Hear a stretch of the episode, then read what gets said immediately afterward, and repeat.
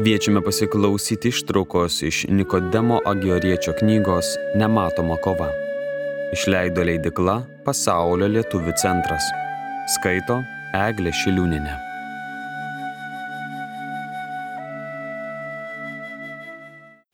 Trisdešimt trečias skyrius.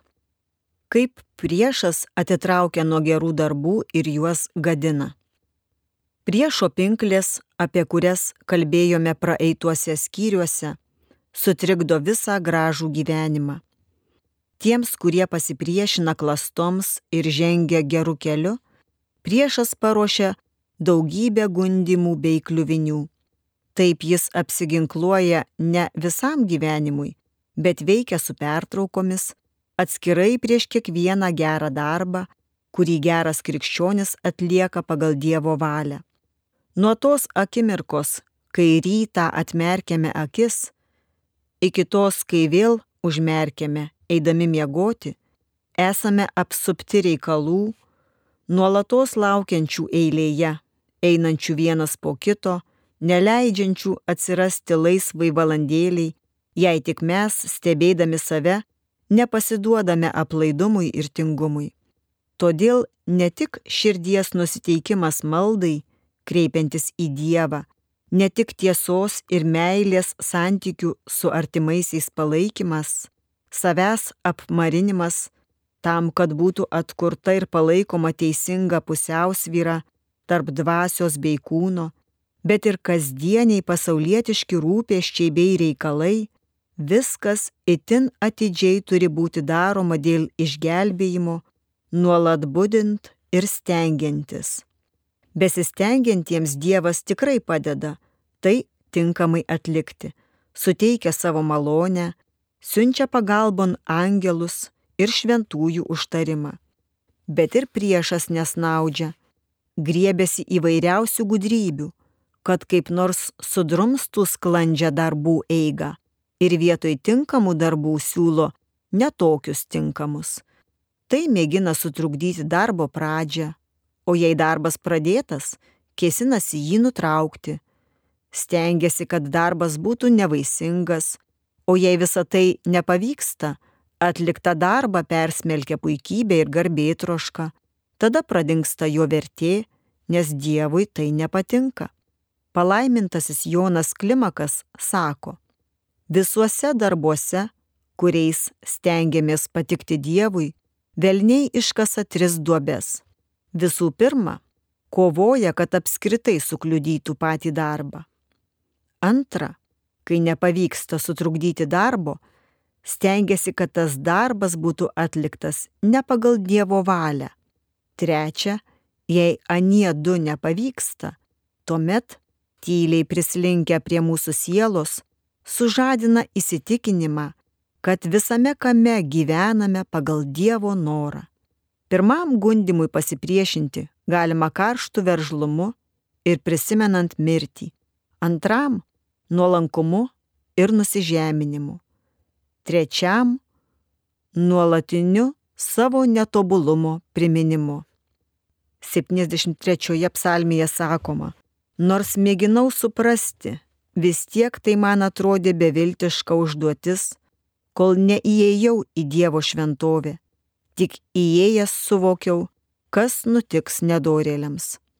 Kai taip elgsimės, mumise neliks blogų įpročių, nes mūsų Dievas yra ryjanti ugnis, sudeginanti bet kokią mūsų geismo apraišką ir įsiplieskimą, bet kokį blogą įprotį, sąstingi bei apsiblausimą, vidinį ir išorinį, matomą ir menamą.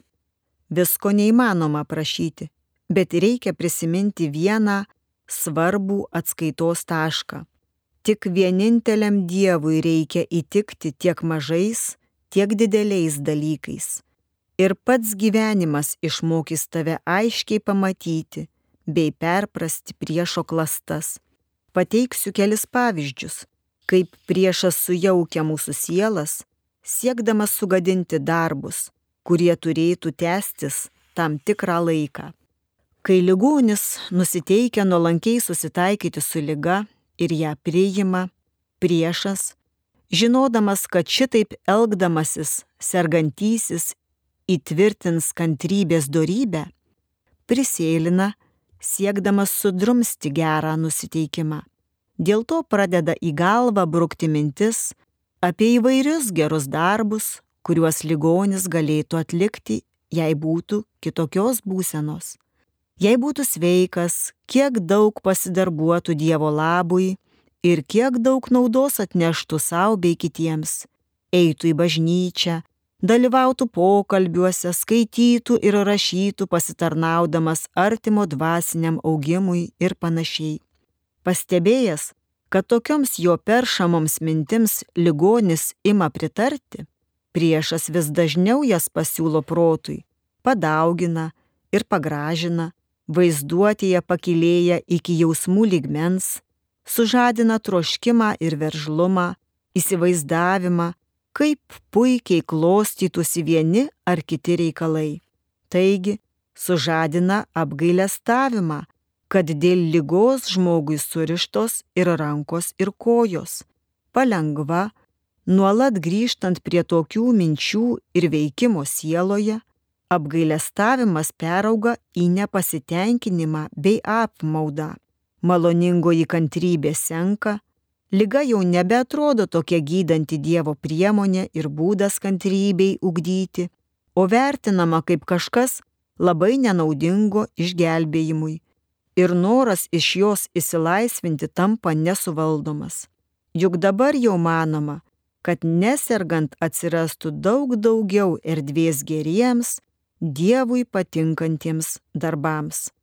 Atvedęs į tokią būseną, priešas pavagė iš žmogaus maloningą proto bei širdies troškimą pasveikti ir palieka vien sveikatos, tik dėl pačios sveikatos troškimą.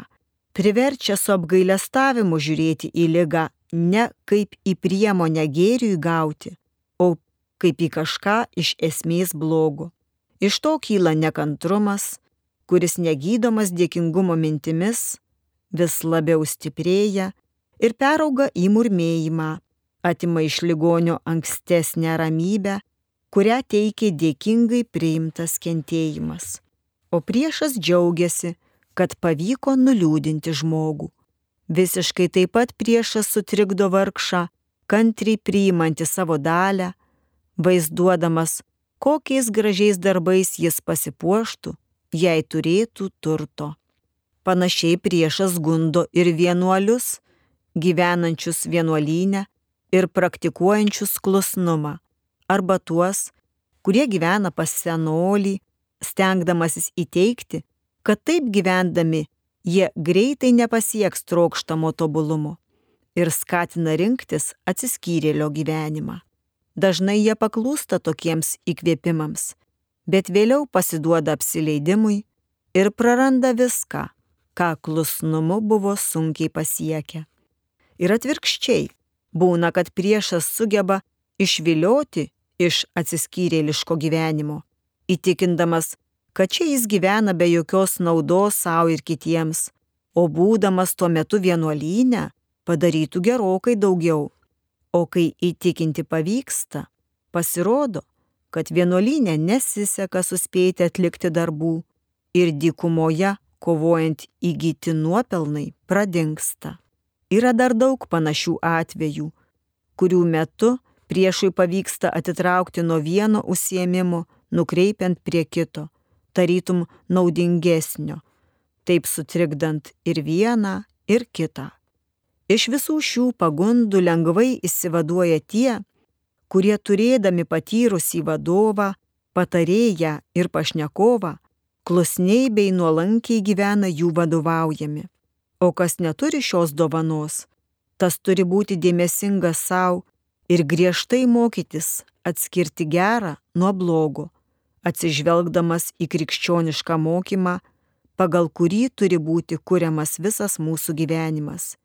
Jeigu įvykiai, kaip tau atrodo, trukdantys visapusiškai įsiskleisti tavo geriems darbams, yra ne iš tavo valios, o siunčiami Dievo, tai juos reikia nuolankiai priimti ir neklausyti jokių įkvėpimų, skatinančių nepaklusti. Siūsdamas tokius įvykius, Dievas nieko iš tavęs nesitikė, vien tik to, kad elgtumėsi ir veiktumėi taip, kaip reikalauja ir kokias galimybės suteikia konkretus atvejis. Sergi ar esi vargšas, turi kantriai priimti. Nieko kito išskyrus kantrybę Dievas iš tavęs nereikalauja. Maloningai kentėdamas, visą laiką darysi gerą darbą. Tokiu atveju Kiekvieną kartą pažvelgęs, Dievas matys, kad maloningai kentėdamas darai gerą ar dalyvauji gėryje, o tuo pačiu metu sveiki žmonės gerus darbus atlieka tik kartkartėmis, su pertraukomis. Taigi norėdamas savo būsenos pakeitimo, keistum gerą į blogą. Jei atsitiktinė situacija, kurioje dabar esi ir kuri kaip manai, labai tau apriboja gerų darbų galimybės, priklausė nuo tavo valios ir turbūt išsirinkai ją svarstydamas, tai ir laikykis to vieno sprendimu. Neleisk mintims vėl klajoti po įvairias galimybės, bet sutelk visą dėmesį į tai, ką tau priklauso atlikti tuo metu. Ramiai vykdyk visus reikiamus darbus. Neabejok, kad jei visus darbus darysi ne pataikaudamas savimėliai, o dėl Dievo, tai jie vaisingą padarys visą tavo laiką ir juos Dievas priims kaip visą vertę auką. Būk ramus.